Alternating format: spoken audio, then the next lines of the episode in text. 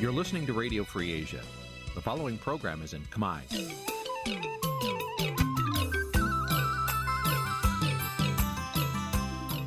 នេះជាកម្មវិធីផ្សាយ Vuthu Azizi Serai នេះជាកម្មវិធីផ្សាយរបស់ Vuthu Azizi Serai ជាភាសាខ្មែរ Vuthu Azizi Serai សូមស្វាគមន៍លោកអ្នកនាងទាំងអស់ពីរដ្ឋធានី Washington នៃសហរដ្ឋអាមេរិក ពីរដ្ឋធានី Washington នាងខ្ញុំសុជីវីសូមជម្រាបសួរលោកអ្នកនាងកញ្ញាដែលកំពុងតាមដានការផ្សាយរបស់ Vithu Azizi សេរីទាំងអស់ជាទីមេត្រីយើខ្ញុំសូមជូនកម្មវិធីផ្សាយសម្រាប់ព្រឹកថ្ងៃសុក្រ15កើតខែបុស្សឆ្នាំខាលចត្វាស័កពុទ្ធសករាជ2566ចាប់ត្រូវនៅថ្ងៃទី6ខែមករាគ្រិស្តសករាជ2023ជាដំបូងនេះសូមអញ្ជើញលោកអ្នកនាងស្ដាប់ព័ត៌មានប្រចាំថ្ងៃដែលមានមេត្តាដូចតទៅ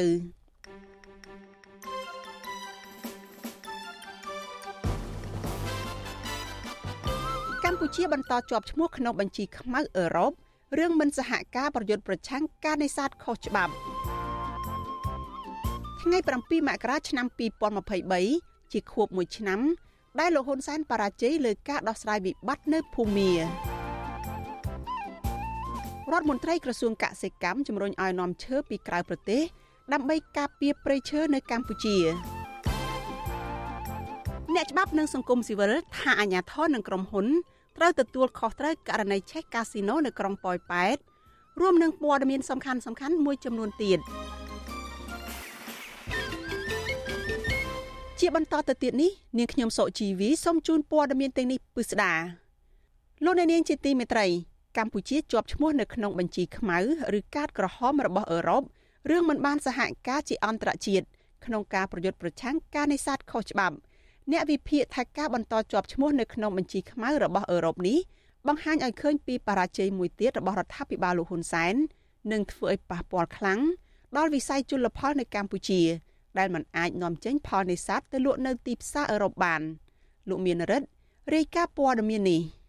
យោងតាមបញ្ជីឈ្មោះនៃក្រុមប្រទេសស្ថិតនៅក្នុងបញ្ជីខ្មៅ ឬចំណាត់ថ្នាក់កាតក្រហមរបស់គណៈកម្មការអឺរ៉ុប ដែលទើបនឹងធ្វើបច្ចុប្បន្នភាពចុងក្រោយនៅដើមឆ្នាំថ្មីនេះកម្ពុជាមិនត្រូវបានគណៈកម្មការអឺរ៉ុបដកឈ្មោះចេញពីបញ្ជីខ្មៅនៃក្រុមប្រទេសមិនសហការជាអន្តរជាតិពាក់ព័ន្ធនឹងការនេសាទខុសច្បាប់គ្មានការអនុញ្ញាត និងគ្មានរបាយការណ៍ក៏ត្រឹមយប់ថ្ងៃទី5ខែមករា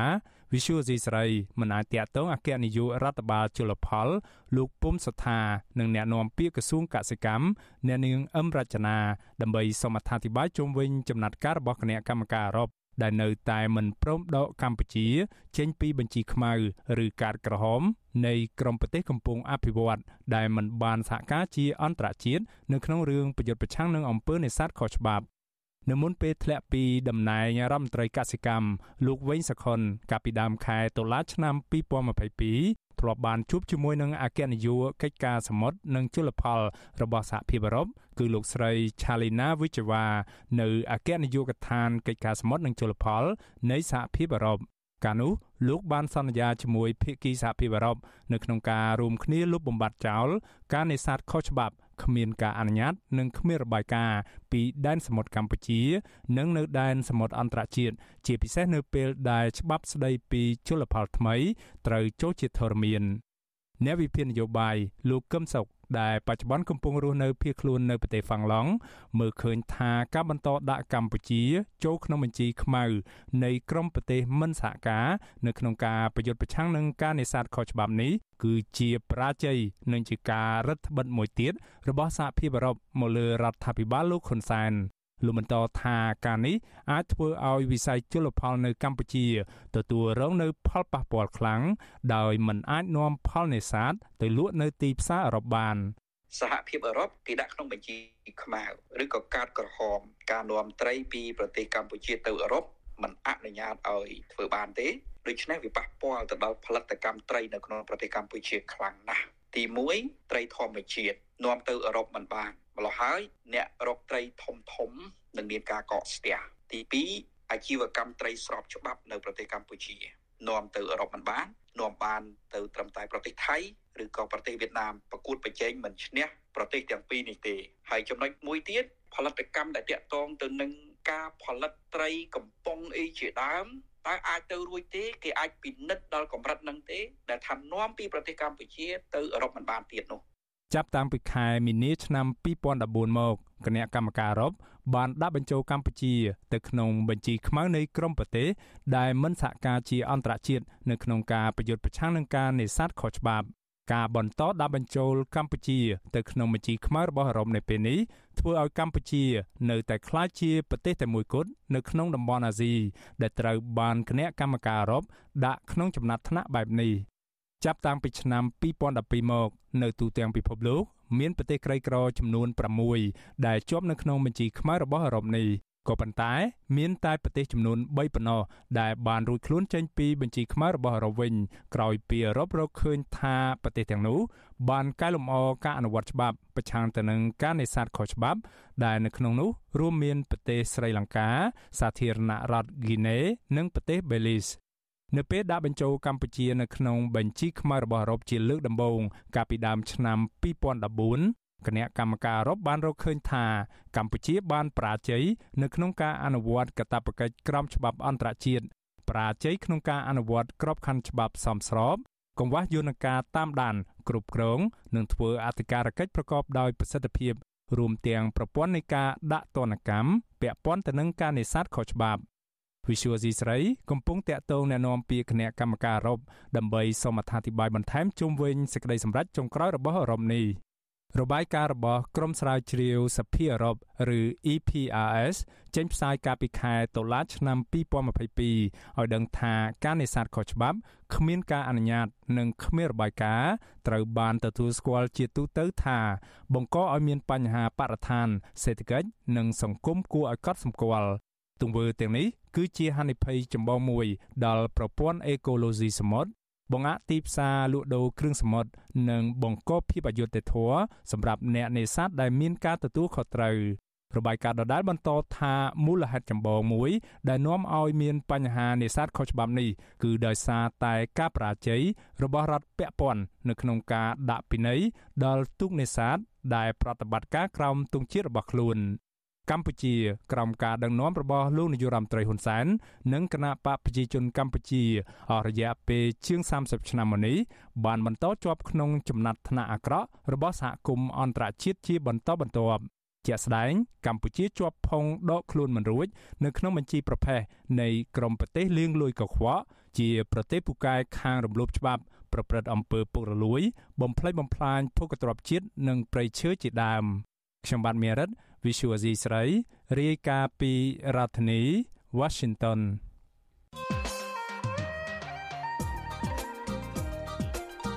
លោកអ្នកនាងកញ្ញាជាទីមេត្រីអ្នកជំនាញសេដ្ឋកិច្ចល្បីឈ្មោះមួយរូប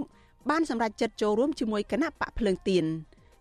លោកបណ្ឌិតសុកហាជដែលជាប្រធានក្រុមហ៊ុននាំអង្គចេញ Golden Rice អះអាងថាលោកបានសម្រេចចិត្តចូលធ្វើនយោបាយជាមួយនឹងគណៈបកភ្លើងទៀននៅពេលនេះដោយលោកសម្លឹងឃើញថាគណៈបកនេះ ជាគណៈបកដែលអាចទទួលបានជ័យជំនះនៅលើការបោះឆ្នោតនិងដឹកនាំប្រទេសនៅថ្ងៃខាងមុខចាសសូមអញ្ជើញលោកអ្នកនាងរងចាំទស្សនានិងស្ដាប់បទសម្ភាសន៍ផ្ទាល់ជាមួយលោកសុហាជតកតោះនឹងកត្តាសំខាន់មួយចំនួនរបស់លោកក្នុងការសម្រេចចិត្តចូលរួមជាមួយគណៈបកភ្លើងទៀនចាសលោកជុនច័ន្ទបុតនឹងសម្របសម្រួលកិច្ចពិភាក្សានេះនៅក្នុងវេទិកានៃស្ដាប់វិទ្យុអាស៊ីសេរី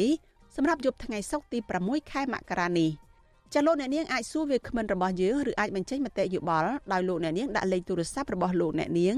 នៅក្នុងខ្ទង់ comment របស់ Facebook ឬក៏ YouTube របស់ Vithu Azizi សេរីចាក្រុមការងាររបស់ Vithu Azizi សេរីនឹងហៅទៅលោកអ្នកនាងវិញចាសូមអរគុណ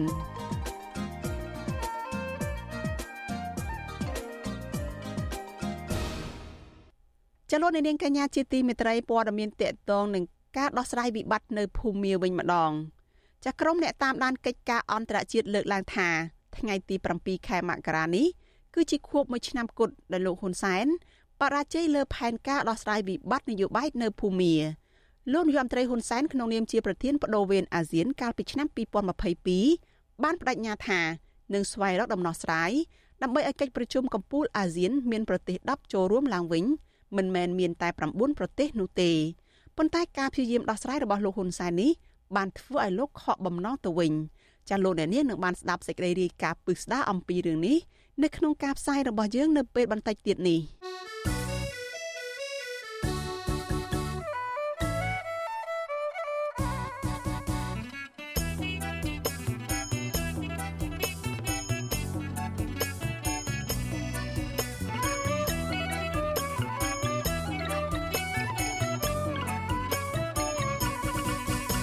លោកអ្នកនាងកញ្ញាជាទីមេត្រីលោកអ្នកកំពុងតែតាមដានការផ្សាយរបស់ Vithu Azizi សេរីផ្សាយចេញពីរដ្ឋធានី Washington សហរដ្ឋអាមេរិកចាប់ព័ត៌មានតកតងនឹងគម្រោងអភិវឌ្ឍរួមគ្នារវាងកម្ពុជានិងថៃឯនេះវិញរដ្ឋាភិបាលកម្ពុជានិងថៃមានគម្រោងអភិវឌ្ឍរួមគ្នាដើម្បីរករកប្រេងនិងអូស្មန်នៅលើផ្ទៃទឹកប្រមាណ16000គីឡូម៉ែត្រការ៉េស្ថិតនៅក្នុងតំបន់ត្រួតស៊ីគ្នាដែលមានផ្ទៃប្រមាណសរុប26000គីឡូម៉ែត្រការ៉េនៅក្នុងឈូងសមុទ្រថៃ សារព័ត៌មានបត្យា ចុះផ្សាយកាលពីថ្ងៃទី5ខែមករាម្សិលមិញឲ្យដឹងថា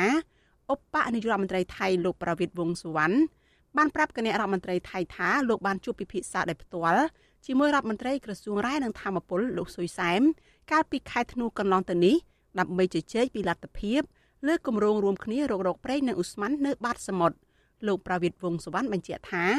លោកសុយសែមក៏បានយល់ព្រមលើគម្រោងនេះ ក៏ប៉ុន្តែក្នុងលក្ខខណ្ឌមួយគឺมันអាចបញ្ចូលព្រំដែនទឹកនៃប្រទេសទាំងពីរទៅក្នុងកិច្ចព្រមព្រៀងនេះបានឡើយលោកឧបនាយករដ្ឋមន្ត្រីថៃរូបនេះឲ្យដឹងដែរថាភាគីកម្ពុជានិងថៃបានសម្រេចព្រមព្រៀងគ្នា បង្កើតគម្រោងរួមគ្នានៅក្នុងការរករកប្រេងនិងឧស្ម័ននេះដោយសារតែការកើនឡើងនៃតម្លៃប្រេងឥន្ធនៈនៅលើពិភពលោកសក្តានុពលសម្រាប់ប្រទេសទាំងពីរដោយផ្អែកទៅលើធនធានធម្មពលរបស់ខ្លួនផ្ទាល់និងការអភិវឌ្ឍនានាលើវិស័យឧស្សាហកម្មផងដែរ វិទ្យុអាស៊ីសេរីនៅមិនទាន់អាចតាក់ទងแนะនាំពាក្យគណៈរដ្ឋមន្ត្រីលោកផៃស៊ីផានដើម្បីសាកសួរបន្ថែមជុំវិញរឿងនេះបានទេនៅថ្ងៃទី5ខែមករាចំណែកគណៈរដ្ឋមន្ត្រីថៃវិញបានយល់ព្រមបង្កើតគណៈកម្មាធិការមួយដឹកនាំដោយមន្ត្រីក្រសួងការបរទេសដើម្បីត្រួតពិនិត្យទៅលើគម្រោងរួមគ្នាជាមួយកម្ពុជាដោយយកគំរូតាមគម្រោងរួមគ្នារវាងថៃនិងម៉ាឡេស៊ីរដ្ឋាភិបាលកម្ពុជាកាលពីខែតុលាកន្លងទៅនេះក៏បានផ្ដល់អាជ្ញាប័ណ្ណឲ្យក្រុមហ៊ុនកាណាដាមួយឈ្មោះថា Innerchem ដើម្បីរករកប្រេងនិងឧស្ម័ននៅក្នុងប្លុក8នៅលើផ្ទៃដីប្រមាណជាង7000គីឡូម៉ែត្រការ៉េការផ្ដល់អាជ្ញាប័ណ្ណឲ្យក្រុមហ៊ុនថ្មីនេះបន្ទាប់ពីក្រុមហ៊ុនប្រេងឥន្ធនៈ Chevron ដែលជាក្រុមហ៊ុនប្រេងដ៏ធំមួយរបស់សហរដ្ឋអាមេរិកបោះបង់សិទ្ធិរករកប្រេងនិងឧស្ម័នក្រោយមកក្រុមហ៊ុនមួយនេះក៏បានសម្រេចលក់គម្រោងវិនិយោគទៅឲ្យក្រុមហ៊ុន Chris Energy របស់ប្រទេសសិង្ហបុរីប៉ុន្តែបានបរាជ័យទៀត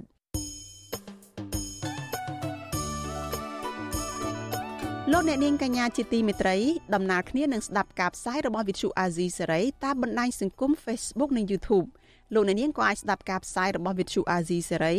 តាមរយៈរលកធាតុអាកាសខ្លីឬ Shortwave តាមកម្រិតនិងកម្ពស់ដូចតទៅនេះពេលព្រឹកចាប់ពីម៉ោង5កន្លះដល់ម៉ោង6កន្លះ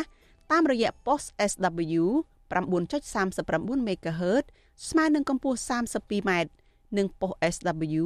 11.85 MHz ស្មើនឹងកម្ពស់ 25m ពេលយប់ចាប់ពីម៉ោង7កន្លះដល់ម៉ោង8កន្លះតាមរយៈ post SW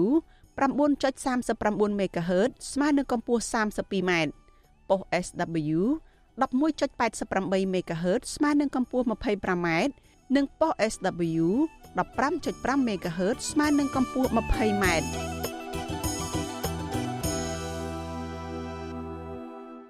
លោកអ្នកនាងកញ្ញាប្រិយមិត្តជាទីមេត្រីចាំបន្តស្ដាប់ព័ត៌មានរបស់វិទ្យុអាស៊ីសេរីចាតតទៅនឹងគណៈបកកណ្ដាលអំណាចក្រុងប្រពខួបលើកទី44នៅថ្ងៃ7មករាគណៈបកប្រជាជនកម្ពុជាក្រុងប្រពខួបលើកទី44នៃថ្ងៃជ័យជំនះ7មករានៅពេលខាងមុខនេះដោយភ្ជាប់ទៅនឹងការដឹងគុណវៀតណាមដែលគណៈបកនេះចាត់ទុកថាគឺចូលមកកម្ពុជាដើម្បីរំដោះពលរដ្ឋខ្មែរពីរបបខ្មែរក្រហមទោះយ៉ាងណាមន្ត្រីគណៈបកប្រឆាំងរិះគន់ថា វៀតណាមឆ្លៀតយកថ្ងៃ7មករានេះឯងដើម្បីរំលោភបំពាននិងគ្រប់គ្រងកម្ពុជាព្រមទាំងរៀបចំផែនការក5ធ្វើឲ្យពលរដ្ឋខ្មែររាប់ម៉ឺននាក់បាត់បង់ជីវិត និងរបួសពិការចលុកសេកបណ្ឌិតរាយការណ៍ព័ត៌មាននេះអ្នកជំនាញផ្នែកវិទ្យាសាស្ត្រនយោបាយនិងមន្ត្រីគណៈបកប្រឆាំងមើលឃើញថាកងទ័ពវៀតណាម ដែលបានចូលប្រទេសកម្ពុជា កាលពី44ឆ្នាំមុនក្នុងព្រឹត្តិការណ៍ថ្ងៃ7មករាគឺវៀតណាម ចង់គ្រប់គ្រងកម្ពុជា ច្រើនជាងការជួយរំដោះកម្ពុជា ការលើកឡើងយ៉ាងដូចនេះគណៈគណៈបកប្រជាជនកម្ពុជា នៅតែអគុណមិនដាច់ពីមាត់ចំពោះគុណបំណាច់របស់វៀតណាម កាលពី44ឆ្នាំមុន ដែលបានលុកលុយចូលទឹកដីកម្ពុជា ធ្វើឲ្យគណៈបកនេះដឹកនាំប្រទេសដល់សពថ្ងៃអតីតសមាជិកសភាគណៈបកសង្គ្រោះជាតិលោកអ៊ុំសំអានយល់ថា ថ្ងៃ7មករាឆ្នាំ1979ជាថ្ងៃវៀតណាមចូលឈ្លានពានទឹកដីកម្ពុជា ដើម្បីគ្រប់គ្រងកម្ពុជា និងរៀបចំផែនការសម្លាប់ពលរដ្ឋខ្មែរលេបយកទឹកដីខ្មែរអស់រាប់ម៉ឺនគីឡូម៉ែត្រលោកបន្តទៀតថាក្រោយពេលវៀតណាម ជួយគណបកប្រជាជនកម្ពុជា របស់លោកហ៊ុនសែនដឹកនាំប្រទេសរដ្ឋាភិបាលលោកហ៊ុនសែនបានចុះសន្ធិសញ្ញាឆ្នាំ1979 1982 1983សន្ធិសញ្ញាឆ្នាំ1985និងសន្ធិសញ្ញាផ្សេងផ្សេងមួយចំនួនទៀតដែលធ្វើឲ្យកម្ពុជាបាត់ទឹកដីរាប់ម៉ឺនគីឡូម៉ែត្រទៅខាងវៀតណាមមន្ត្រីគណៈបកប្រឆាំងលោកអ៊ុំសំអានព្រួយបារម្ភថាបើគណៈបកប្រជាជនកម្ពុជា បន្តដឹងគុណវៀតណាមបែបនេះតទៅទៀតនឹងធ្វើឲ្យកម្ពុជា បាត់បង់ទឹកដី នៅតាមព្រំដែនវៀតណាមតទៅទៀត ហើយជនអន្តោប្រវេសន៍វៀតណាមនឹងបន្តហូរចូលទឹកដីកម្ពុជាកាន់តែច្រើនថែមទៀតដែលបញ្ហានេះគឺជាគ្រោះថ្នាក់របស់ជាតិនាពេលខាងមុខ។ ដូច្នេះវៀតណាមមិនមានមកជួយរំដោះដោយសុចចិត្តទេបើសិនជាមកជួយរំដោះដោយសុចចិត្តគឺប្រកាសជាដកតបទៅវិញបន្ទាប់ពីរំដោះហើយក៏ប៉ុន្តែវៀតណាមនឹងប្រៀបដូចមនុស្សវងនេះគឺជាអ្នកដុតភ្លើងហើយក្រោយមកក៏មកផលិតភ្លើងវិញអាហ្នឹងឲ្យខ្មែរដឹងគុណដើម្បីកាត់ដីឲ្យយួនតាមសន្ធិសញ្ញាឆ្នាំ1982 83និង85មន្ត្រីគណៈបកប្រឆាំងលើកឡើងយ៉ាងដូចនេះ គណៈគណៈបកប្រជាជនកម្ពុជាគ្រោងរំលឹកខួបលើកទី44ឆ្នាំនៃថ្ងៃជ័យជំនះ7មករានាថ្ងៃទី7ខែមករាខាងមុខអ្នកនាំពាក្យគណៈបកប្រជាជនកម្ពុជាលោកសុកអេសានបានឲ្យវិទ្យុអសីស្រីដឹងនៅថ្ងៃទី5ខែមករាថាពិធីអបអរនេះ ធ្វើនៅទីក្រុងកោះពេជ្ររាជធានីភ្នំពេញ ដែលមានមនុស្សរាប់ម៉ឺននាក់ចូលរួមអបអរដោយមានវត្តមានលោកនាយករដ្ឋមន្ត្រីហ៊ុនសែននិងថ្នាក់ដឹកនាំគណៈបកប្រជាជនកម្ពុជាជាច្រើនរូបផ្សេងទៀតលោកបន្តទៀតថាលោកហ៊ុនសែននឹងឡើងថ្លែងសន្ទរកថាពីគុណតម្លៃថ្ងៃ7មករាការទទួលបានជ័យជំនះរបស់គណៈបកប្រជាជនកម្ពុជាលើរបបខ្មែរក្រហម និងការថ្លែងដឹងគុណវៀតណាមផងដែរ អ្នកនាំពាក្យគណៈបកកណ្ដាលអំណាចរូបនេះបញ្ជាក់ថាគណៈបកប្រជាជនកម្ពុជាមិនអាចភ្លេចគុណវៀតណាមបានទេដែលបានជួយរំដោះពលរដ្ឋពីការកាប់សម្លាប់នៃរបបខ្មែរក្រហម។ យីអត់ភ្លេចគុណទេអាហ្នឹងខ្ញុំមិនដែលថាភ្លេចគុណទេណាក៏ប៉ុន្តែខ្ញុំមិនដែលយកគុណហ្នឹងទៅដើម្បីយកដីខ្ញុំយកកម្មសិទ្ធិខ្ញុំយកទៅឲ្យវៀតណាមទេណាខ្ញុំអរគុណជាស្មារតីជាសតិសម្បញ្ញៈជាមនោសញ្ចេតនាជាមិត្តភ័ក្តិជាបងប្អូនភូមិផងរបងជាមួយអាហ្នឹងភ្លេចមិនកើតតែទៅអរគុណពីណាឥឡូវអរគុណពីណាបើមិនឲ្យអរគុណវៀតណាមដែលជួយរំដោះអាយុជីវិតលោកសុកអេសានឲ្យដឹងដែរថា ក្រៅពីការជួបជុំអបអរថ្ងៃ7មករានៅរាជធានីភ្នំពេញគណៈបកប្រជាជនកម្ពុជាក៏រៀបចំអបអរពិធីនេះនៅតាមបណ្ដាខេត្តនិងនៅក្រៅប្រទេសផងដែរទោះយ៉ាងណាអ្នកជំនាញផ្នែកវិទ្យាសាស្ត្រនយោបាយនិងកិច្ចការអន្តរជាតិលោកអែមសវណ្ណរាយល់ឃើញថាបើផ្អែកលើព្រឹត្តិការណ៍ដែលកើតក្រោយថ្ងៃ7មករាបង្ហាញថាវៀតណាមគ្មានចេតនាជួយរំដោះកម្ពុជាដោយចិត្តស្មោះនោះទេប៉ុន្តែវៀតណាមចង់គ្រប់គ្រងកម្ពុជាទៅវិញ។ គឺវៀតណាមមិនដកតបទៅវិញទេនឹងបានអូសបន្លាយពេលវេលា10ឆ្នាំ រហូតមានការព្រមានពីសហគមន៍អន្តរជាតិលើបញ្ហានេះទើបវៀតណាមដកទ័ពចេញពីកម្ពុជា លោកបន្តទៀតថាបើវៀតណាមពិតជាលើកទ័ពមកជួយកម្ពុជាមែននោះមិនមែនវៀតណាមចាប់មេដឹកនាំតស៊ូខ្មែរគឺលោកប៉ែនសវណ្ណយកទៅដាក់ឃុំនៅប្រទេសវៀតណាមនោះទេ យកគុណឧបការៈឬក៏ថ្ងៃរំដោះ7មករាជាថ្ងៃដឹងគុណនោះវាមិនមែនថ្ងៃដឹងគុណទាំងស្រុងទេទស្សនៈខ្ញុំដល់តែអន្តរជាតិជំរុញឲ្យវៀតណាមចេញបានវៀតណាមចេញអញ្ចឹងមិនមែនវៀតណាមមានចេតនាល្អពិតប្រាកដមករំដោះកម្ពុជាចេញពីរបបខ្មែរក្រហមពីការកាប់សម្លាប់ទេបាទគឺវៀតណាមក៏មានចេតនានៅក្នុងការគ្រប់គ្រងកម្ពុជាដែរអ្នកខ្លាំមើលអះអាងថានៅពេលកងទ័ពវៀតណាមបានចូលទឹកដីកម្ពុជាដោយបំឡងរួចហើយកាលពីឆ្នាំ1979 នៅដើមទសវត្ស1980វៀតណាមបានប្រើគោលនយោបាយក5កែនពលរដ្ឋខ្មែរទូទាំងប្រទេសចាប់ពីអាយុ18ឆ្នាំដល់45ឆ្នាំឲ្យចូលទៅកាប់ព្រៃនៅតាមតំបន់ព្រំដែនខ្មែរថៃនិងបានធ្វើឲ្យពលរដ្ឋខ្មែរជាង200,000នាក់បាត់បង់ជីវិតនិងមនុស្សរាប់ម៉ឺននាក់ផ្សេងទៀតរងរបួសធ្លាក់ខ្លួនពិការរហូតមកដល់សពថ្ងៃនេះព្រឹត្តិការណ៍ក5នេះត្រូវបានគេចាត់ទុកថា ជារបបវិលពិឃាតទី2បន្ទាប់ពីរបបខ្មែរក្រហមអ្នកតាមដានព្រឹត្តិការណ៍នយោបាយលើកឡើងថាវៀតណាមក៏ធ្លាប់ជំពាក់គុណកម្ពុជាដែរដែលកម្ពុជា បានជួយវៀតណាមខាងជើងឲ្យរំដោះវៀតណាមខាងត្បូងចេញពីសហរដ្ឋអាមេរិកបានជោគជ័យកាលពីថ្ងៃទី30ខែមេសាឆ្នាំ1975ប៉ុន្តែវៀតណាមស្ទើរមិនបានរំលឹកគុណបុណ្យរបស់កម្ពុជា អំពីរឿងនេះនោះទេខ្ញុំបាទសេកបណ្ឌិត វិទ្យុអាស៊ីសេរីពីរដ្ឋធានីវ៉ាស៊ីនតោនចលនានាងកញ្ញាប្រិយមិត្តជាទីមេត្រីចំពោះលោកអ្នកនាងដែលជាមន្ត្រីរាជការចាប្រាក់ខែរបស់លោកអ្នកនាងនៅក្នុងឆ្នាំ2023នេះនឹងដំឡើងបានមួយកម្រិតទៀត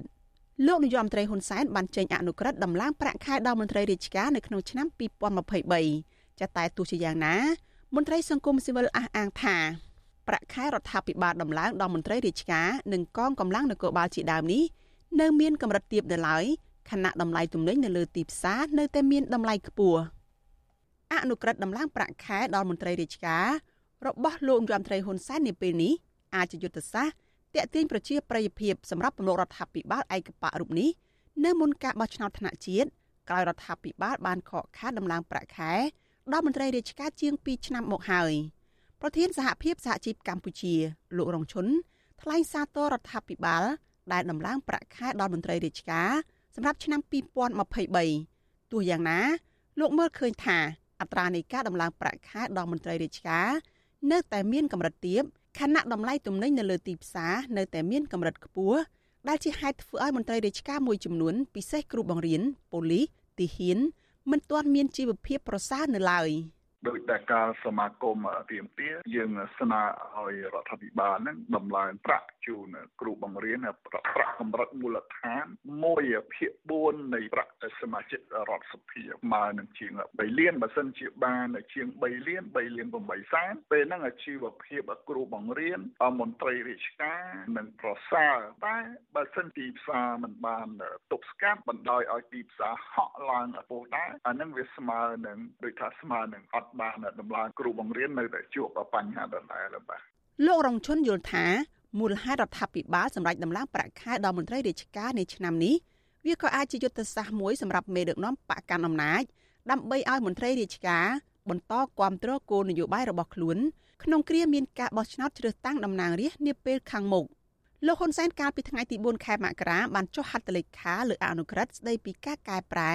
និងការដំឡើងប្រាក់ឧបត្ថម្ភប្រចាំដល់សមាជិកក្រុមប្រឹក្សារាជធានីខេត្តក្រុងស្រុកខណ្ឌឃុំសង្កាត់និងមន្ត្រីភូមិតាមមូលដ្ឋានជាដើមក្នុងនោះប្រធានក្រុមប្រឹក្សារាជធានីខេត្តទទួលបានជាង1លាន5សែនរៀលជាមួយគ្នានេះលោកហ៊ុនសែនក៏បានដំឡើងប្រាក់ខែដល់កងទ័ពដែរក្នុងនោះអគ្គមេបញ្ជាការទទួលបានជិត2លានរៀលនិងមេបញ្ជាការយុទ្ធភូមិភាគទទួលបាន1លានរៀលនៅក្នុងមួយខែពាក់ព័ន្ធនឹងរឿងនេះអ្នកវិភាគនយោបាយលោកកឹមសុខលើកឡើងថា ការដំឡើងប្រាក់ខែពីសំណាក់រដ្ឋាភិបាលលោកហ៊ុនសែនបើមើលតែមួយផ្លែតគឺកងទ័ពនិងមន្ត្រីរាជការហាក់ទទួលបានការទំនុកបំរុងពីសំណាក់រដ្ឋាភិបាលប៉ុន្តែលោកថាការដំឡើងប្រាក់ខែដល់មន្ត្រីរាជការពិសេសកងទ័ពនៅពេលនេះគឺដើម្បីកុំឲ្យមានចលនាបះបោរណាមួយនៅក្នុងអំឡុងពេលបោះឆ្នោតជ្រើសតាំងតំណាងរាស្ត្រទំនងជាលោកនាយករដ្ឋមន្ត្រីហ៊ុនសែនជាយាមទប់ចលាចល ផ្ទៃក្នុងក្របខ័ណ្ឌមន្ត្រីរាជការក្នុងអំឡុងពេលនៃរយៈពេលរៀបចំការបោះឆ្នោតថ្នាក់ជាតិជាពិសេសលោកនាយករដ្ឋមន្ត្រីហ៊ុនសែនប្រាំងយកចិត្តទុកដាក់កងកម្លាំងប្រដាប់អាវុធកុំឲ្យមានប្រតិកម្មណាមួយទុះចេញឡើងពីព្រោះរដ្ឋាភិបាលមួយនឹងឬក៏មិននឹងមានតែមន្ត្រីរាជការនិងកងកម្លាំងប្រដាប់អាវុធប៉ុណ្ណោះយល់ស្ថានភាពនេះលឿនជាងគេនិងមានប្រតិកម្មកើតជាចលាចលលឿនជាងគេដែរ វិទ្យុអាស៊ីសេរីមិនអាចតាក់ទងប្រធានអង្គភិបអ្នកនាំពាក្យរដ្ឋាភិបាលលោកផៃស៊ីផានដើម្បីសូមប្រតិកម្មឆ្លើយតបជុំវិញការលើកឡើងនេះបានទេនៅថ្ងៃទី5ខែមករាជុំវិញរឿងនេះដែរប្រធានសមាគមការពារសិទ្ធិមនុស្សអាត6លោកនីសុខាមានប្រសាសន៍ថាការដំឡើងប្រាក់ខែដល់មន្ត្រីរាជការជាពិសេសគ្រូបង្រៀននិងមន្ត្រីកងកម្លាំងនគរបាលជារឿងប្រសើរ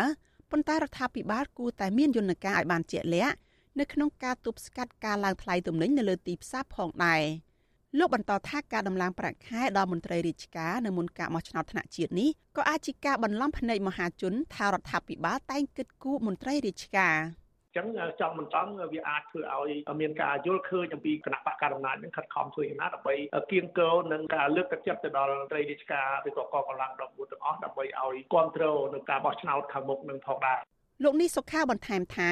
ទន្ទឹមនឹងរដ្ឋាភិបាលដំឡើងប្រាក់ខែដល់មន្ត្រីរាជការបែបនេះរដ្ឋាភិបាល គួរតែស៊ើបអង្កេតមន្ត្រីថ្នាក់ជាតិនិងមូលដ្ឋានមួយចំនួនជាពិសេសមន្ត្រីនៃអង្គភាពប្រឆាំងអំពើពុករលួយណាដែលអាចពាក់ព័ន្ធនឹងអំពើពុករលួយជាប្រព័ន្ធ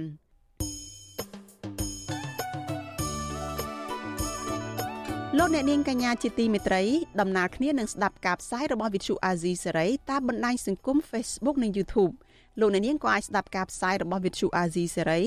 តាមរយៈរលកធាតុអាកាសខ្លីឬ Shortwave តាមកម្រិតនិងកម្ពស់ដូចតទៅនេះពេលព្រឹកចាប់ពីម៉ោង5កន្លះដល់ម៉ោង6កន្លះតាមរយៈ post SW 9.39 MHz ស្មើនឹងកម្ពស់ 32m និង post SW 11.85 MHz ស្មើនឹងកម្ពស់ 25m ពេលយប់ចាប់ពីម៉ោង7កន្លះដល់ម៉ោង8កន្លះតាមរយៈ post SW 9.39 MHz ស្មើនឹងកម្ពស់ 32m ប៉ុស SW 11.88 MHz ស្មើនឹងកម្ពស់ 25m និងប៉ុស SW 15.5 MHz ស្មើនឹងកម្ពស់ 20m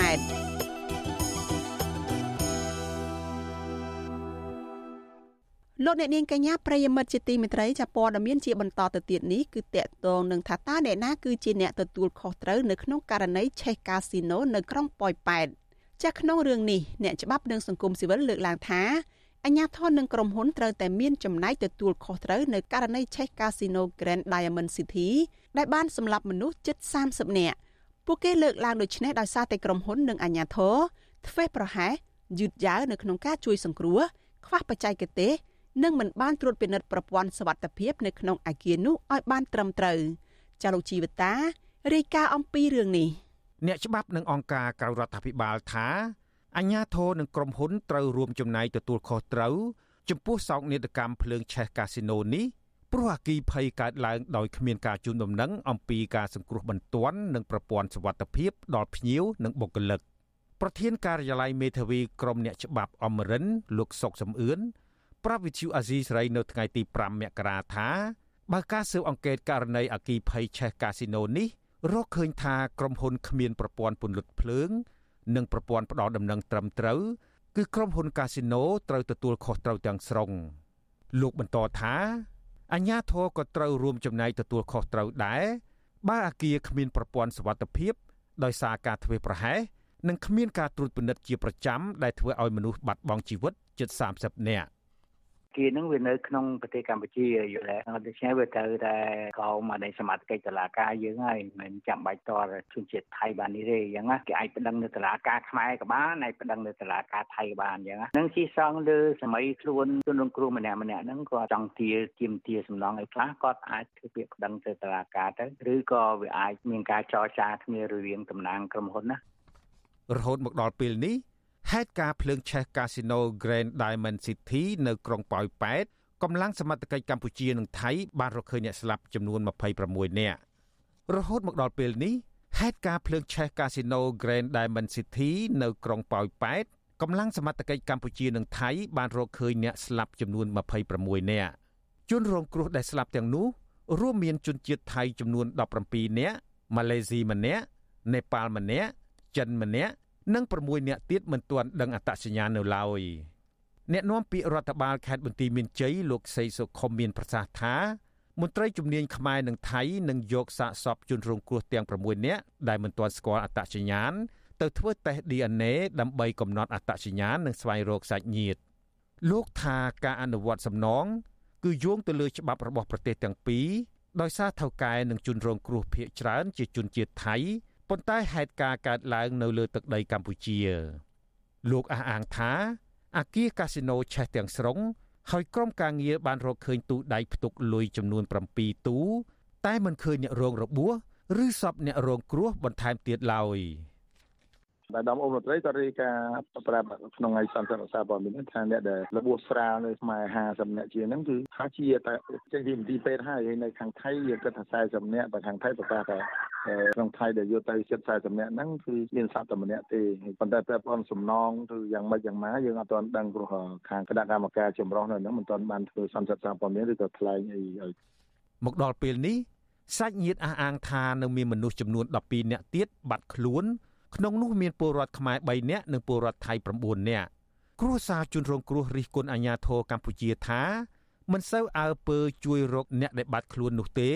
តែបែរជាខ្វាយខ្វល់នឹងខំរកទ្រព្យសម្បត្តិនិងទូលុយរបស់ក្រុមហ៊ុនទៅវិញ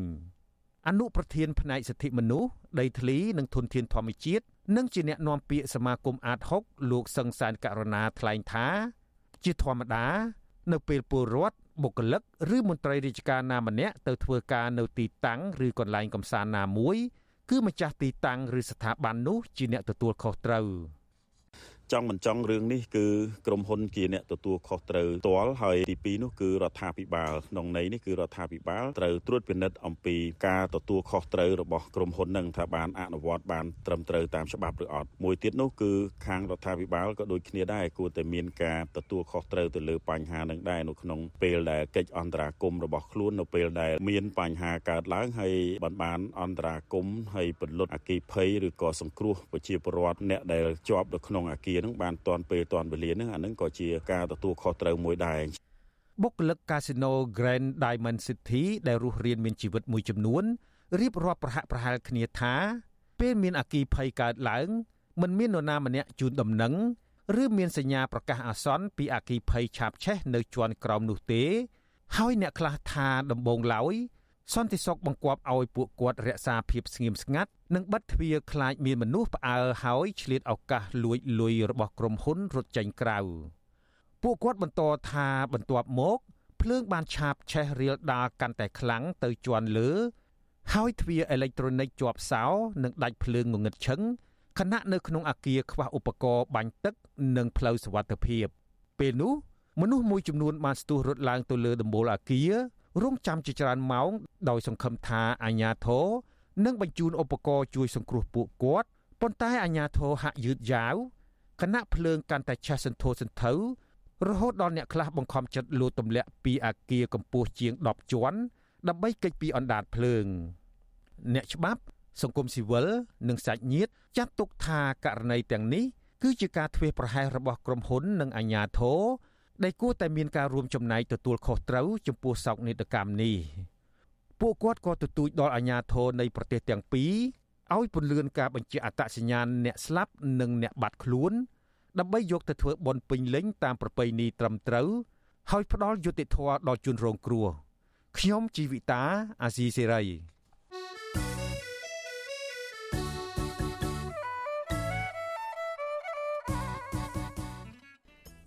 លោកនាងកញ្ញាប្រិយមិត្តជាទីមេត្រី ចាក្រៅពីតាមដានកម្មវិធីផ្សាយរបស់ Vithu Azizi Serai តាមបណ្ដាញសង្គម Facebook YouTube និង Telegram លោកអ្នកនាងក៏អាចតាមដានកម្មវិធីផ្សាយរបស់យើងតាមរយៈបណ្ដាញសង្គម Instagram របស់ Vithu Azizi Serai តាមរយៈតំណភ្ជាប់ instagram.com/rfa ខ្មែរចាវិទ្យុ Azizi Serai ខិតខំផ្សព្វផ្សាយព័ត៌មានពិតទៅកាន់លោកអ្នកនាងតាមបណ្ដាញសង្គមផ្សេងៗនិងសម្បូរបែប ដើម្បីឲ្យលោកអ្នកនាងងាយស្រួលតាមដានការផ្សាយរបស់ Vithu Azizi Serai បានគ្រប់ពេលវេលានិងគ្រប់ទីកន្លែងតាមរយៈទូរស័ព្ទដៃរបស់លោកអ្នកនាង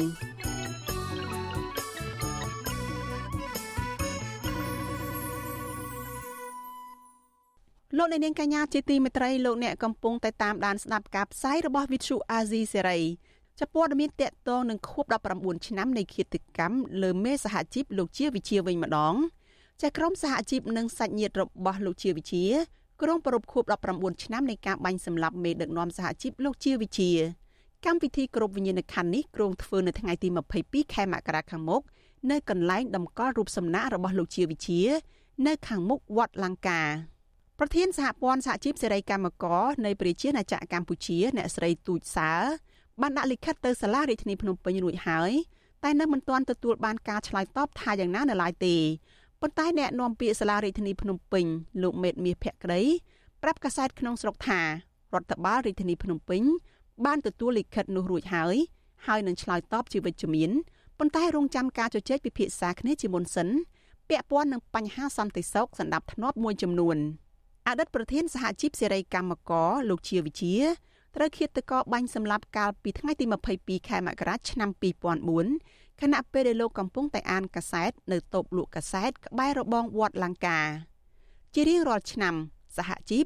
និងសាច់ញាតិតែងតែធ្វើកម្មវិធីរំលឹកវិញ្ញាណក្ខន្ធលោកជាវិជាសាលាក្រុងតែងតែអនុញ្ញាតឲ្យធ្វើប៉ុន្តែបានកំណត់ចំនួនអ្នកចូលរួមនិងហាមថ្លែងសារនយោបាយព្រមទាំងពង្រាយកងកម្លាំងនគរបាលនៅជុំវិញកម្មវិធីដើម្បីតាមឃ្លាំមើលនិងត្រៀមទប់ស្កាត់ការហែកក្បួនជាដើមក្រុមសហជីពនិងក្រុមគ្រួសាររបស់លោកជាវិជា តែងតែថ្កោលទោសរដ្ឋាភិបាលក្រុងភ្នំពេញថាអសមត្ថភាពក្នុងការរយុទ្ធធម៌ជូនលោកជាវិជាមន្ត្រីសង្គមស៊ីវិលអង្គការជាតិនិងអន្តរជាតិមួយចំនួន នៅតែស្នើយ៉ាងទទូចឲ្យអាជ្ញាធរវែកមុខជនដៃដល់ដែលសម្លាប់លោកជាវិជា និងមេដឹកនាំសហជីពផ្សេងទៀតមកផ្ដន្ទាទោសតាមច្បាប់ដើម្បីរកយុត្តិធម៌និងបំបត្តិអំពើនីតិរដ្ឋភាពនៅកម្ពុជា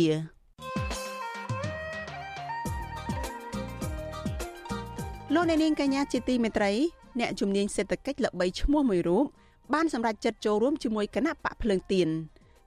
លោកបណ្ឌិតសុកហាជដែលជាប្រធានក្រុមហ៊ុននាំអង្គចេញ Golden Rice អះអាងថាលោកបានសម្រេចចិត្តចូលធ្វើនយោបាយជាមួយនឹងគណៈបកភ្លើងទៀននៅពេលនេះដោយលោកសម្លឹងឃើញថាគណៈបកនេះជាគណៈបកដែលអាចទទួលបានជ័យជំនះនៅលើការបោះឆ្នោតនិងដឹកនាំប្រទេសនៅថ្ងៃខាងមុខ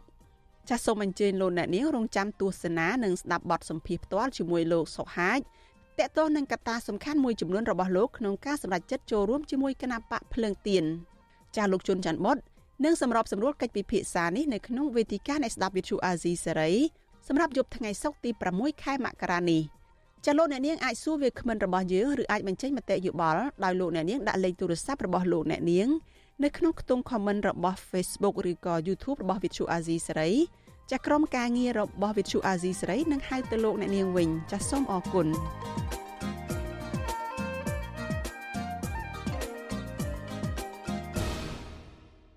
លោកអ្នកនាងកញ្ញាជាទីមេត្រីចាព័ត៌មានដាច់ដោយឡែកមួយទៀតរដ្ឋមន្ត្រីក្រសួងកសិកម្មរុក្ខាប្រមាញ់និងនេសាទគាំទ្រឲ្យមាននាំឈើចូលពីក្រៅប្រទេសដើម្បីកាត់បន្ថយការកាប់បំផ្លាញព្រៃឈើនៅក្នុងស្រុក ចាសកម្មជនព្រៃឈើនិងមន្ត្រីអង្គការសង្គមស៊ីវិលយល់ឃើញថាវិធានការនេះនឹងមិនមានប្រសិទ្ធភាពនៅក្នុងការការពារព្រៃឈើបានឡើយហើយពួកគេជំរុញរដ្ឋាភិបាលពង្រឹងការអនុវត្តច្បាប់ទៅលើក្រុមឈ្មួញរកស៊ីឈើខុសច្បាប់ទើបអាចការពារព្រៃឈើបានគង់វង្សចាអ្នកស្រីម៉ៅសុធានីរាយការណ៍ព័ត៌មាននេះក្រសួងកសិកម្មក្រុងនាំប្រភេទឈើកិនឈើធ្នង់និងឈើប៉និតផ្សេងផ្សេងទៀត ពីប្រទេសចិនអាហ្វ្រិកនិងប្រទេសម៉ាឡេស៊ីកាន់តែច្រើននៅពេលខាងមុខរដ្ឋមន្ត្រីក្រសួងកសិកម្មលោកដិតទីណាថ្លែងនៅក្នុងសន្និសីទសារព័ត៌មានស្ដីពីទស្សនៈទានក្នុងវិស័យកសិកម្មនៅកម្ពុជា នៅទីស្តីការគណៈរដ្ឋមន្ត្រីនៅថ្ងៃទី5ខែមករាថាការនាំឈើចូលពីក្រៅប្រទេសទាំងនេះនឹងជួយកាត់បន្ថយការកាប់បំផ្លាញព្រៃឈើនៅក្នុងស្រុកតម្រូវការផ្សេងផ្សេងគ្នានេះបង្កើត ជាសម្ពាធមួយចំនួន ទៅលើធនធានធម្មជាតិយើងដែលមានប៉ុន្តែទន្ទឹមនឹងនេះក៏យើងកត់សម្គាល់ឃើញដែរថានិន្នាការនៃការប្រើប្រាស់ឈើនាំចូលមានការកើនឡើងខ្ញុំគិតថាមានបងប្អូនប្រជាពលរដ្ឋយើងមួយចំនួនប្រកាសជាភ្ញាក់ផ្អើលបើដឹងថាសប្តាហ៍ថ្ងៃនេះកម្ពុជា មានលទ្ធភាពក្នុងការនាំចូលឈើមកប្រើប្រាស់ផ្ទាល់ហើយឈើទាំងនោះមានដូចជាធ្នង់មកពីអាហ្វ្រិកមានឈើមកពីចិនពីម៉ាឡេ ពាក់ព័ន្ធនឹងការលើកឡើងរបស់រដ្ឋមន្ត្រីក្រសួងកសិកម្មនេះសកម្មជនប្រៃឡង់ប្រចាំនៅខេត្តកោះចេះលោកស្វាយសុងយល់ឃើញថាការនាំឈើពីក្រៅប្រទេសគឺនឹងមិនអាចកាត់បន្ថយការកាប់បំផ្លាញព្រៃឈើបានឡើយពីព្រោះព្រៃឈើក្នុងតំបន់ព្រៃឡង់នៅតែមានបាត់ល្មើសកាប់ឈើជាទ្រង់ទ្រាយធំដដែលលោកថាសប្តាហ៍ក្រមឈ្មួញទុច្ចរិតនៅតែបន្តកាប់ឈើយ៉ាងអនាធបត័យនៅតំបន់ភ្នំជី ភ្នំក្រហមតំបន់អូឡង់និងអូក្រាក់ជាដើមយកទៅលក់ឲ្យក្រុមហ៊ុនស៊ីនបាយអូថិចដើម្បីនាំចេញលោកស្វ័យសុងបន្ថែមថារដ្ឋាភិបាល គួរអនុញ្ញាតឲ្យប្រជាសហគមន៍ប្រៃឡង់មានសិទ្ធិចូលល្បាតព្រៃឡើងវិញទៅអាចទប់ស្កាត់ការកាប់បំផ្លាញព្រៃឈើប្រកបដោយប្រសិទ្ធភាពការពារធនធានធម្មជាតិបាននោះលោកត្រាទៅឲ្យសហគមន៍ព្រៃឡង់ ឬក៏ក្រសួងបរិស្ថានដែលគាត់មានការគ្រប់គ្រងជាសហការគ្នាល្អជាមួយសហគមន៍បៃឡង់ហ្នឹងទើបព្រៃឈើរបស់យើងគង់វង្សតែបើសិនជាមិនអញ្ចឹងទេវានៅតែមានបាក់ពួកវានៅតែមានខ្សែបុគ្គលមួយចំនួនដែរបើរកពីទិញឈើនេះវត្ថុអសីស្រីនៅមិនទាន់អាចតតងក្រុមហ៊ុនសិញបាយអូថិចដើម្បីបកស្រាយការចាប់ប្រកាន់របស់សកម្មជនប្រៃឈើបានទេនៅថ្ងៃទី5ខែមករា ពជាសហគមន៍ប្រៃឈើលើកឡើងថាការកាប់បំផ្លាញប្រៃឈើត្រង់ទ្រេធំ នៅតែបន្តកើតមាននិងមិនមានវិធានការទប់ស្កាត់ពីអាជ្ញាធរប្រកបដោយប្រសិទ្ធភាពនោះឡើយរបាយការណ៍អង្កេតលើកទី2របស់ក្រុមអ្នកស្រាវជ្រាវនៃសាកលវិទ្យាល័យ Copenhagen ប្រទេសដាណឺម៉ាកចេញផ្សាយការពិពេទ្យថ្មីៗនេះបង្ហាញថាកម្ពុជាបានបាត់បង់ព្រៃឈើជាង140,000ហិកតាកាលពីឆ្នាំមុន ក្នុងនោះការបាត់បង់គម្របព្រៃឈើក្នុងដែនជម្រកសត្វព្រៃឡង់បានកើនឡើងដល់22%ព្រៃប្រះរកា43%និងដែនចម្រុកសត្វព្រៃសង្រុកកវ័នចំនួន47%ជុំវិញរឿងនេះមន្ត្រីកម្មវិធីស្រាវជ្រាវនឹងតស៊ូមតិនៃសមាគមបណ្ដាញយុវជនកម្ពុជាលោកហេងកំហុងយល់ឃើញថាការនាំឈើចូលពីក្រៅប្រទេសដែលរដ្ឋមន្ត្រីក្រសួងកសិកម្មបានលើកឡើងនេះ គឺនឹងមិនមានអត្តពលដើម្បីកាត់បន្ថយការកាប់បំផ្លាញព្រៃឈើក្នុងប្រទេសបានឡើយលោកបន្ថែមថាដើម្បីកាត់បន្ថយការកាប់បំផ្លាញព្រៃឈើលុះត្រាតែរដ្ឋាភិបាលអនុវត្តច្បាប់ឲ្យបានតឹងរឹងចំពោះក្រុមឈ្មួញទុច្ចរិតដែលបានកាប់បំផ្លាញព្រៃឈើជាមួយគ្នានេះលោកហេងកំហុងបន្ថែមថារដ្ឋាភិបាលក៏ត្រូវតែមានវិធានការពិនិត្យមើលពីប្រភពឈើដែលកម្ពុជាទិញចូលនោះដែរពីព្រោះថាបើសិនជាឈើទាំងនោះ បានមកពីការកាប់បំផ្លាញព្រៃឈើធម្មជាតិដែលខុសច្បាប់នោះនឹងនាំឲ្យកម្ពុជាកាន់តែមានកេរ្តិ៍ឈ្មោះមិនល្អក្នុងការបំផ្លាញបរិស្ថាន។ ដើម្បីការពារធនធានធម្មជាតិនៅកម្ពុជាឲ្យមានប្រសិទ្ធភាពទី1គឺអនុវត្តជាការច្បាប់ដែលមានស្រាប់ទី2គឺត្រូវពិនិត្យឡើងវិញនឹងការធ្វើអធិការកិច្ចទៅលើមន្ត្រីរបស់ខ្លួននៅថ្នាក់ក្រោមជាតិថាតើមានពាក់ព័ន្ធជាមួយនឹងអំពើពុករលួយដែរឬទេប្រសិនបើពួកគេបំពេញការងារបានល្អប្រសើរត្រូវលើកទឹកចិត្តប៉ុន្តែបើរកឃើញថាមានដំណាក់ដំណងជាមួយនឹងអំពើពុករលួយឬក៏មានភាពផ្លោះឆ្លួយឬក៏មិនបំពេញមុខងារសាធារណៈរបស់ខ្លួនគឺត្រូវតែមានការទទួលខុសត្រូវចំពោះមុខច្បាប់ដូចនេះ របាយការណ៍មេធាងនៃរចនាសម្ព័ន្ធกับឈើខុសច្បាប់នៅកម្ពុជា ដែលចេញផ្សាយកាលពីខែកញ្ញាឆ្នាំ2022បង្ហាញថា ប្រព័ន្ធការពារគ្នាទៅវិញទៅមកដែលបង្កើតឡើងដោយក្រុមគូសាលោកនាយករដ្ឋមន្ត្រីហ៊ុនសែនជាមួយក្រុមអង្គការនិងកងកម្លាំងប្រដាប់អាវុធគឺជាកត្តាចម្បងធ្វើឲ្យមានវិនាសកម្មប្រៃឈើ ទោះបីជាមានរបាយការណ៍ពីអង្គការអន្តរជាតិជាច្រើន បង្ហាញថាអំពើពុករលួយជាប្រព័ន្ធគឺជាហេតុផល ដែលធ្វើឲ្យមានបាត់ល្មើសប្រៃឈើក្តីក៏ប៉ុន្តែរដ្ឋាភិបាលតែងតែច្រានចោលលទ្ធផលរបាយការណ៍ទាំងនេះដោយឡែកលោកនាយករដ្ឋមន្ត្រីហ៊ុនសែនធ្លាប់ថ្លែងជាសាធារណៈថាអង្គការអន្តរជាតិទាំងនោះធ្វើរបាយការណ៍បន្លំបំភ្លៃដែលមានចេតនាបំផ្លាញកិត្តិយសនៃគ្រួសាររបស់លោកជាដើម ប៉ុន្តែទោះបីជាបែបនេះក្តីលោកនាយករដ្ឋមន្ត្រីហ៊ុនសែនធ្លាប់បានបដិញ្ញាចិត្តថាបើលោកការពារប្រៃឈើនៅកម្ពុជាមិនបានទេនោះលោកនឹងកាត់កលោកចោលក៏ប៉ុន្តែមកដល់ពេលនេះបាត់ល្មើសប្រៃឈើនៅតែបន្តកើតមានដដែលចាននាងខ្ញុំម៉ៅសុធានីវັດឈូអសីស្រីប្រធានាធិបតី Washington ចលនានាងកញ្ញាប្រិយមិត្តជាទីមេត្រីចាងាកមកស្ដាប់ព័ត៌មានតកតងនឹងការជួញដូរមនុស្សឆ្លងប្រទេសឯនេះវិញ ចតុលាការតៃវ៉ាន់បានចោទប្រកាន់មេខ្លោងជាជនជាតិតៃវ៉ាន់2នាក់ពីបទជួញដូរមនុស្សរំលោភច្បាប់ទប់ស្កាត់អ ுக ្រិតកម្មនិងបោកបញ្ឆោតមនុស្សឲ្យទៅធ្វើការនៅក្រៅប្រទេសដើម្បីកេងចំណេញប្រាក់សារព័ត៌មានអនឡាញឈ្មោះថា Focus Taiwan ចេញផ្សាយកាលពីថ្ងៃទី4ខែមករាឲ្យដឹងថាមេដឹកនាំក្រុមឆបោកពីរក្រុមនេះមានឈ្មោះលីននិងលីបានបោកជនជាតិតៃវ៉ាន់ចំនួន88នាក់ដោយបង្ខំឲ្យពួកគេ ចូលរួមសកម្មភាពឆបោកតាមប្រព័ន្ធអនឡាញនៅប្រទេសកម្ពុជាអញ្ញាធនតៃវ៉ាន់បានចោទប្រកាន់ជនល្មើសទាំងពីរនាក់នេះជាលើកទី2កាលពីថ្ងៃទី4ខែមករាបន្ទាប់ពីជនរងគ្រោះចំនួន30នាក់បន្ថែមទៀតត្រូវបានជួយសង្គ្រោះនិងបានដឹកត្រឡប់ពីកម្ពុជាទៅតៃវ៉ាន់វិញតុលាការដដែលក៏បានចោទប្រកាន់ជនល្មើសទាំងពីរនាក់នេះជាលើកទី1កាលពីខែកញ្ញាឆ្នាំ2022ក្រោយជនរងគ្រោះចំនួន22នាក់ បានជួយសង្គ្រោះនិងបានវិលត្រឡប់ទៅតៃវ៉ាន់វិញរដ្ឋអាជ្ញាតៃវ៉ាន់អះអាងបន្តថាមេខ្លោងក្រុមឆបោកទាំងពីរក្រុមនេះកាលពីចុងឆ្នាំ2021បានប្រកាសផ្សព្វផ្សាយតាមគេហទំព័រ Facebook របស់ខ្លួនដើម្បីស្វែងរកអ្នកធ្វើការនៅក្នុងវិស័យសេវាកម្មសម្រាប់អតិថិជន នៅតាមកាស៊ីណូនៅកម្ពុជាដោយសន្យាផ្ដល់ប្រាក់ខែខ្ពស់ ក៏ប៉ុន្តែក្រុមជនល្មើសទាំងនេះបែរជាលក់ពួកគេនៅក្នុងម្នាក់ម្នាក់ចំនួនទឹកប្រាក់ចាប់ពី17000ដុល្លារដល់18000ដុល្លារឲ្យទៅធ្វើការជាមួយក្រុមហ៊ុនខ្លែកបន្លំ និងឆបោកតាមប្រព័ន្ធអ៊ីនធឺណិតនៅក្នុងរាជធានីភ្នំពេញខេត្តព្រះសីហនុនិងខេត្តផ្សេងផ្សេងមួយចំនួនទៀតជនរងគ្រោះទាំងនោះត្រូវបានចាប់ឃុំឃាំងបង្ខំឲ្យធ្វើការខុសពីឆន្ទៈរបស់ពួកគេហើយប្រសិនបើគេមិនធ្វើតាមឬមិនអាចរកប្រាក់កម្រៃបានច្រើនសម្រាប់ក្រុមហ៊ុនទេនោះ ជនរងគ្រោះទាំងនោះនឹងរងទរណកម្មឆក់ខ្សែភ្លើង និងដាក់ឃុំឃាំងនៅក្នុងបន្ទប់តូចចង្អៀតបង្អត់អាហារព្រមទាំងចាប់ខ្លួនជាចំណាំខ្មាំងដើម្បីទារលុយពីក្រុមគ្រួសារបន្ថែមពីនេះមានជនរងគ្រោះខ្លះក៏ត្រូវបានក្រុមជនល្មើសវះយកគ្រឿងក្នុងឬសេរីរាង្គចេញ ដើម្បីលក់បន្ត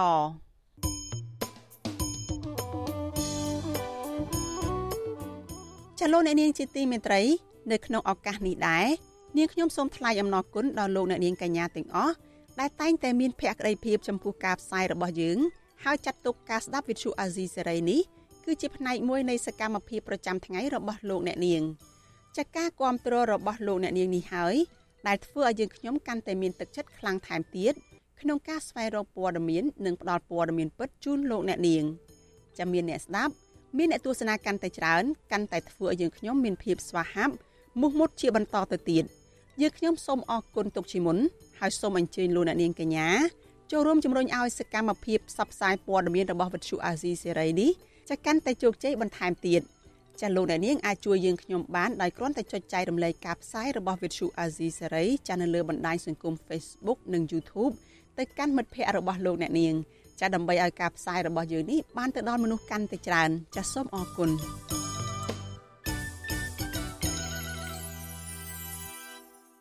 លោកអ្នកនាងកញ្ញាប្រិយមិត្តជាទីមេត្រីចាក្រុមអ្នកតាមដានកិច្ចការអន្តរជាតិលើកឡើងថាថ្ងៃទី7ខែមករានេះជាខួប1ឆ្នាំគត់ដែលលោកហ៊ុនសែនបរាជ័យនៅលើផែនការដោះស្រាយវិបត្តិនយោបាយនៅភូមាលោកនាយរដ្ឋមន្ត្រីហ៊ុនសែននៅក្នុងនាមជាប្រធានបដូវវេនអាស៊ានកាលពីឆ្នាំ2022បានបដិញ្ញាថានឹងស្វែងរកដំណោះស្រាយដើម្បីឲ្យកិច្ចប្រជុំកំពូលអាស៊ាន មាន10ប្រទេសចូលរួមឡើងវិញមិនមែនមានតែ9ប្រទេសនោះទេ ក៏ប៉ុន្តែការព្យាយាមដោះស្រាយបញ្ហារបស់លោកហ៊ុនសែននេះបានធ្វើឲ្យលោកខកបំណងទៅវិញចាស់លោកទីនសការីយ៉ាទៅវិញចាសសូមស្ដាប់សេចក្តីរាយការណ៍របស់លោកទីនសការីយ៉ាអំពីរឿងនេះវិបត្តិនយោបាយនៅភូមាគឺជាបញ្ហាអតិភិបដែលលោកនាយរដ្ឋមន្ត្រីហ៊ុនសែនបានកំណត់នៅក្នុងរបៀបវរៈរបស់ខ្លួនក្នុងនាមជាប្រធានបដូវវេនអាស៊ានដើម្បីដោះស្រាយនៅក្នុងឆ្នាំ2022កន្លងទៅក៏ប៉ុន្តែលោកហ៊ុនសែនបានបរាជ័យទៅវិញ អ្នកខ្លោមើលផ្នែកអភិវឌ្ឍសង្គម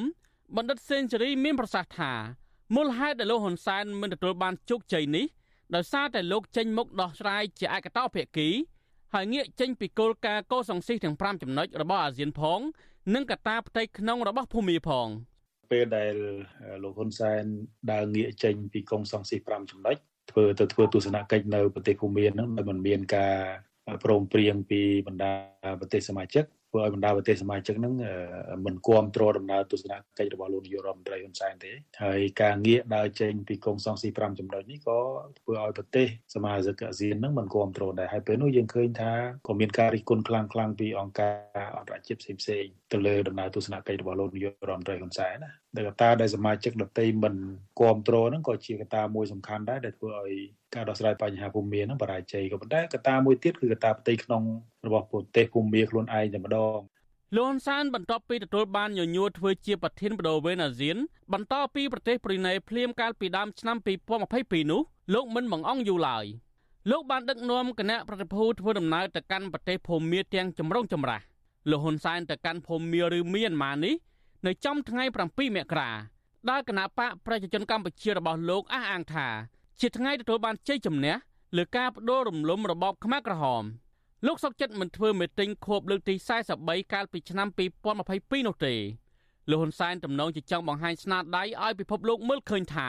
លោកជាបិតាស្វែងរកសន្តិភាពជូនប្រជាពលរដ្ឋភូមាជាឯកតោភាគីខណៈកម្ពុជាមិនទាន់មានឯកភាពជាតិនៅឡើយផងនោះដំណើរឆ្ពោះទៅកាន់ភូមានេះដំបូងឡើយ លន់សានហាក់បីដូចជាសម្រេចបំណងរបស់លោកដែរពលគឺលោកនិងលោកមីនអងលៀងមេដឹកនាំរបបសឹកបានចុះកិច្ចព្រមព្រៀងមួយដោយផ្ដោតសំខាន់លើការបញ្ឈប់ការប្រើអាវុធឬការប្រើអំពើហិង្សាទៅលើជនស៊ីវិលភូមាក៏ប៉ុន្តែក្តីសង្ឃឹមនេះបានរលាយទៅវិញភ្លាមភ្លាមដោយក្រុមមេដឹកនាំយោធាមិនបានគោរពតាមការសន្យានោះទេលន់សែនវិលមកកម្ពុជាវិញមិនទាន់បាន24ម៉ោងជ្រុលបុលផងរបបសឹកបានទម្លាក់គ្រាប់លើភូមិឋានរបស់ប្រជាពលរដ្ឋ និងធ្វើឲ្យមនុស្សស្លាប់ជាច្រើនដដែលមកទល់ពេលនេះក្រុមយោធានៅតែបន្តប្រើប្រាស់អាវុធសម្រាប់ជនស៊ីវិលទោះជាមានការថ្កោលទោសពីសហគមន៍អន្តរជាតិយ៉ាងណាក៏ដោយក្រោយពីលោកហ៊ុនសែនទៅចាប់ដៃជាមួយមេដឹកនាំរបបផ្សិតជាឯកតោភាគីនេះក៏មានការរិះគន់ខ្លាំងៗពីប្រទេសជាសមាជិកដែរក្នុងនោះមានម៉ាឡេស៊ីនិងសិង្ហបុរីជាដើមពួកគេថាលោកហ៊ុនសែនធ្វើបែបនេះមិនត្រឹមត្រូវឡើយហើយទាមទារឲ្យលោកហ៊ុនសែនត្រូវរួមគ្នាពិភាក្សាជាមួយអាស៊ានជាមុនសិន មុននឹងស្វែងរកដំណោះស្រាយនយោបាយនៅភូមិមាននេះទោះជាបែបនេះក្តីនៅក្រៅពេលលោកហ៊ុនសែនបានបរាជ័យជាលើកដំបូងបន្ទាប់ពីជួបមេដឹកនាំរបបផ្សឹកនៅដើមឆ្នាំ2022នោះ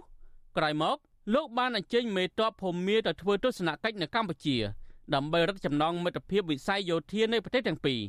បន្ថែមពីនេះលោកហ៊ុនសែនក៏ព្យាយាមបញ្ចុះបញ្ចូលប្រទេសជាសមាជិកអាស៊ានដទៃទៀត ដើម្បីចង់ឲ្យក្រុមមេដឹកនាំរបបសឹកបានមកចូលរួមនៅក្នុងកិច្ចប្រជុំនានារបស់អាស៊ានទៀតផង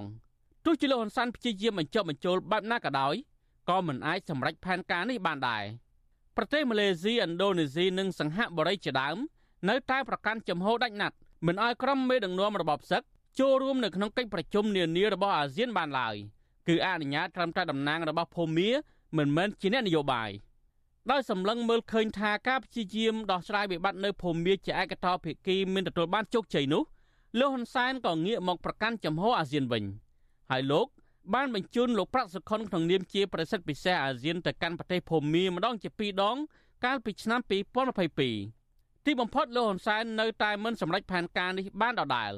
ដោយសារតែរបបសឹកមិនព្រមងាកមកដើរតាមកន្លងទាំង5ចំណុចរបស់អាស៊ានតើតើនឹងបញ្ហានេះ និវិភាននយោបាយលោកកឹមសុខមានប្រសាសន៍ថាវិបត្តិនយោបាយនៅភូមាជាបញ្ហាលំបាកសម្រាប់ស្វែងរកដំណោះស្រាយលោកបន្ថែមថាក្នុងអាណត្តិរបស់លោកហ៊ុនសែនជាប្រធានបដូវវេនអាស៊ានកាលពីឆ្នាំ2022នោះលោកហ៊ុនសែនមិនបានសហការជាមួយបណ្ដាប្រទេសជាសមាជិកអាស៊ានឲ្យបានល្អនិងស្វែងរកកិច្ចអន្តរាគមន៍ជាមួយប្រទេសលោកសេរីដើម្បីដាក់ទណ្ឌកម្មក្រុមមេដឹកនាំរបបសឹកនោះទេផ្ទុយទៅវិញ លោកកឹមសុខអះអាងថាលោកហ៊ុនសែនហាក់មានទំនាក់ទំនងល្អជាមួយមេដឹកនាំរបបសឹកលើវិស័យយោធាទៅវិញក្នុងនាមជាប្រធានអាស៊ានហ្នឹងទៅរកផលប្រយោជន៍ជាលក្ខណៈពង្រឹងអំណាចយោធាជាមួយនឹងក្រុមមេដឹកនាំរដ្ឋប្រហារយោធាភូមិទៅវិញឧទាហរណ៍មានកិច្ចសហប្រតិបត្តិការសម្ងាត់រវាងយោធាពិសេសរបស់លោកហ៊ុនសែនហើយនឹងមានអង្លៀងហើយលោកហ៊ុនសែនដើរបញ្ច្រាស់ចរន្តអាស៊ានទាំងមូល ដោយប្រឹងទាញឲ្យអាស៊ាននឹងទទួលស្គាល់រដ្ឋប្រហារដោយសារតែលោកហ៊ុនសែននឹងគាត់មានស្នាមរបួសជាមេដឹកនាំរដ្ឋប្រហារដែរណាចាប់តាំងពីរបបសឹកធ្វើរដ្ឋប្រហារទម្លាក់រដ្ឋាភិបាលស្របច្បាប់របស់អ្នកស្រីអង្សានសូជីកាលពីខែកុម្ភៈឆ្នាំ2021មករបបសឹកបានសម្លាប់ជនស៊ីវិលជាង2000នាក់តឡាការបានកាត់ទោសប្រហារជីវិតសកម្មជនដែលប្រឆាំងនឹងខ្លួនចំនួន4នាក់និងចាប់មនុស្សប្រមាណជាង15000នាក់ផ្សេងទៀតដាក់ពន្ធនាគាររីឯមេដឹកនាំរដ្ឋាភិបាលស្របច្បាប់ គឺអ្នកស្រីអង្សានសូជីតឡាការរបបសឹកបានកាត់ទោសឲ្យជាប់ពន្ធនាគារចំនួន33ឆ្នាំដែលចោទប្រកាន់ពីបទប្រព្រឹត្តអំពើពុករលួយ និងបទចោទផ្សេងផ្សេងមួយចំនួនទៀតការប្រហារជីវិតសកម្មជននយោបាយ3រូបនិងតំណាងរាស្ត្រនៃរដ្ឋាភិបាលស្របច្បាប់មួយរូបទៀតនេះត្រូវបានក្រុមនៃវិភាគអះអាងថាលោកហ៊ុនសែនបានបរាជ័យនឹងរងភាពអាម៉ាស់កាន់តែខ្លាំងលោកហ៊ុនសែនបានបដិញ្ញាតាំងពីចុងឆ្នាំ2021មុនពេលលោកបានចូលកាន់តំណែងជាប្រធានបដូវវេនអាស៊ានមកម្លេះថា លោកនឹងធ្វើឲ្យអាស៊ានคล้ายទៅជាអាស៊ាន10ឡើងវិញនៅក្នុងកិច្ចប្រជុំនានារបស់អាស៊ានគឺមិនមែនមានតែ9នោះទេផ្ទុយទៅវិញរបបសឹកមិនត្រឹមតែងាកមកអនុវត្តតាមកិច្ចព្រមព្រៀងជាមួយលោកហ៊ុនសែនកាលពីថ្ងៃទី7មករាឆ្នាំ2022នោះទេ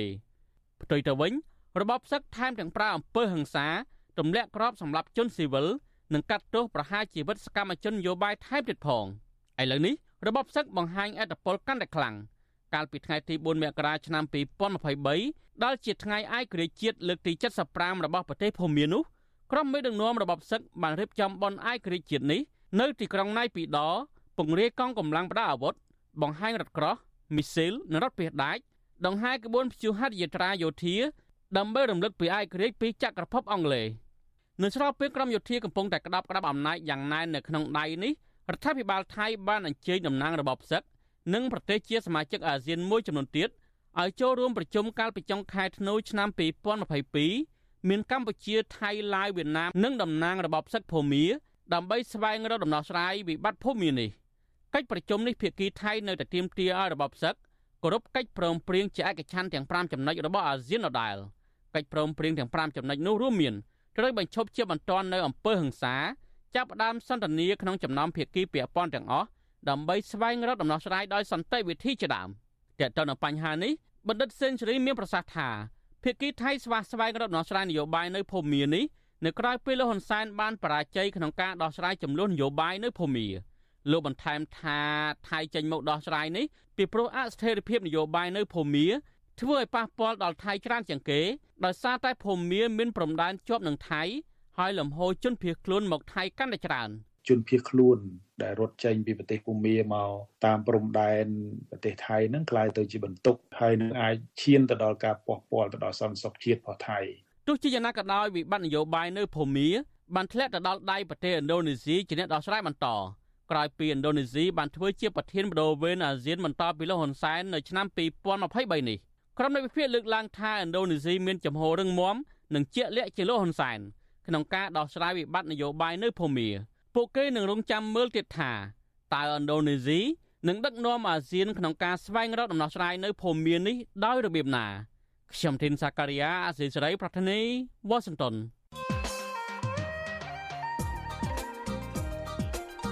លោកអ្នកនាងកញ្ញាជាទីមេត្រីអ្នកជំនាញសេដ្ឋកិច្ចល្បីឈ្មោះមួយរូបបានសម្រេចចិត្តចូលរួមជាមួយគណៈបកភ្លើងទៀនលោកបណ្ឌិតសុកហាជដែលជាប្រធានក្រុមហ៊ុននាំអង្គចេញ Golden Rice អះអាងថាលោកបានសម្រេចចិត្តចូលធ្វើនយោបាយជាមួយនឹងគណៈបកភ្លើងទៀននៅពេលនេះដោយលោកសម្លឹងឃើញថាគណៈបកនេះជាគណៈបកដែលអាចទទួលបានជ័យជំនះនៅលើការបោះឆ្នោតនិងដឹកនាំប្រទេសនៅថ្ងៃខាងមុខចាសសូមអញ្ជើញលោកអ្នកនាងរងចាំទស្សនានិងស្ដាប់បទសម្ភាសន៍ផ្ទាល់ជាមួយលោកសុហាជតកតោះនឹងកត្តាសំខាន់មួយចំនួនរបស់លោកក្នុងការសម្រេចចិត្តចូលរួមជាមួយគណៈបកភ្លើងទៀនចាស់លោកជុនច័ន្ទបុត និងសម្របសម្រួលកិច្ចពិភាក្សានេះនៅក្នុងវេទិកានៃស្ដាប់វិទ្យុអាស៊ីសេរីសម្រាប់យប់ថ្ងៃសុក្រទី6ខែមករានេះចាលោកអ្នកនាងអាចសួរវាគ្មិនរបស់យើងឬអាចបញ្ចេញមតិយោបល់ដោយលោកអ្នកនាងដាក់លេខទូរស័ព្ទរបស់លោកអ្នកនាងនៅក្នុងខ្ទង់ comment របស់ Facebook ឬក៏ YouTube របស់វិទ្យុអាស៊ីសេរីចាក្រុមការងាររបស់វិទ្យុអាស៊ីសេរីនឹងហៅទៅលោកអ្នកនាងវិញចាសូមអរគុណ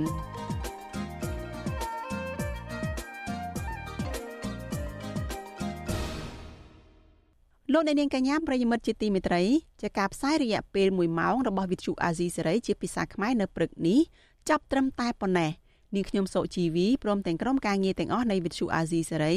សូមជូនពរដល់លោកអ្នកនាងកញ្ញានិងក្រុមគ្រួសារទាំងអស់សូមប្រកបតែនឹងសេចក្តីសុខចាស់ចម្រើនរុងរឿងកុំបីឃ្លៀងឃ្លាតឡើយនាងខ្ញុំសូមអរគុណនិងសូមជម្រាបលា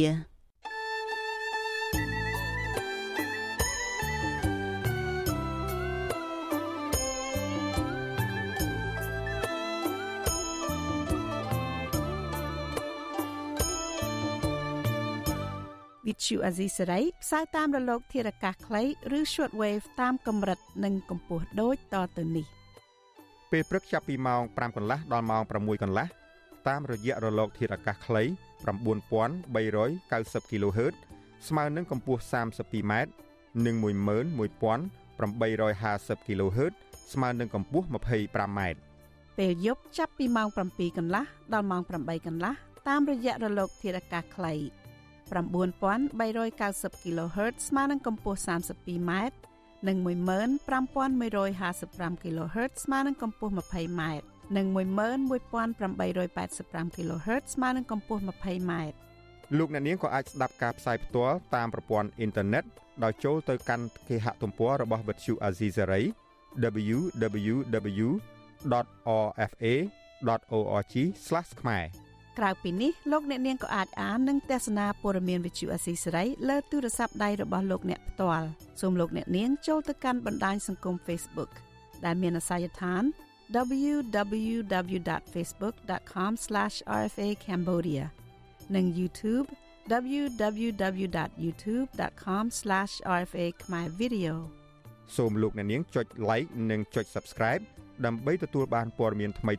ទាន់ហេតុការណ៍ និងទស្សនាវីដេអូផ្សេងៗបានគ្រប់ពេលវេលា។